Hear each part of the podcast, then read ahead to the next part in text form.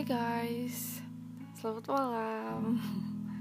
Nah, seharusnya di episode kali ini kita lanjut ya ngebahas tentang uh, tujuh hari berbicara soal parenting, but because I feeling so bad tonight, so maybe I'm just gonna a little bit tell you about my story, what happened to my day today, rather than we talking about seven essential. Eh, no no, rather than we talking about tujuh hari berbicara soal parenting.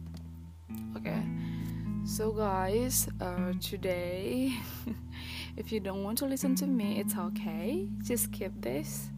But if you want to listen to me i'll be grateful because you can be a good listener for my story.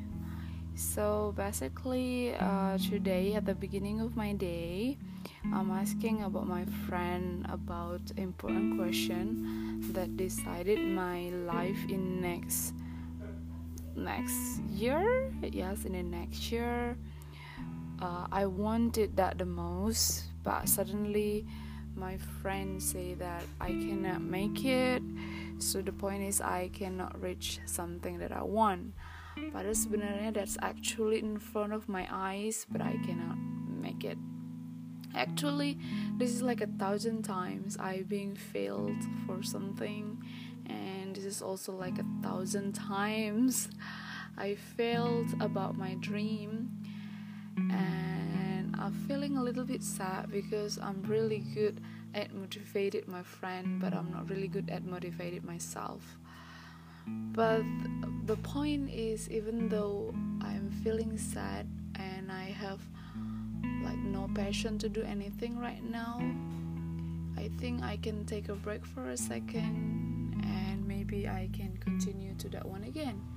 And for some of you out there that facing the same problem like me, I mean like you are struggling for something but you cannot make it again, again, again, you keep failing even though your friend already run a thousand miles away far from you.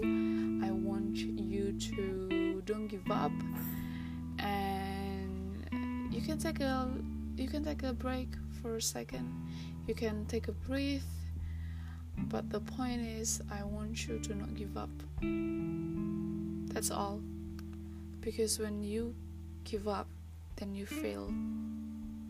So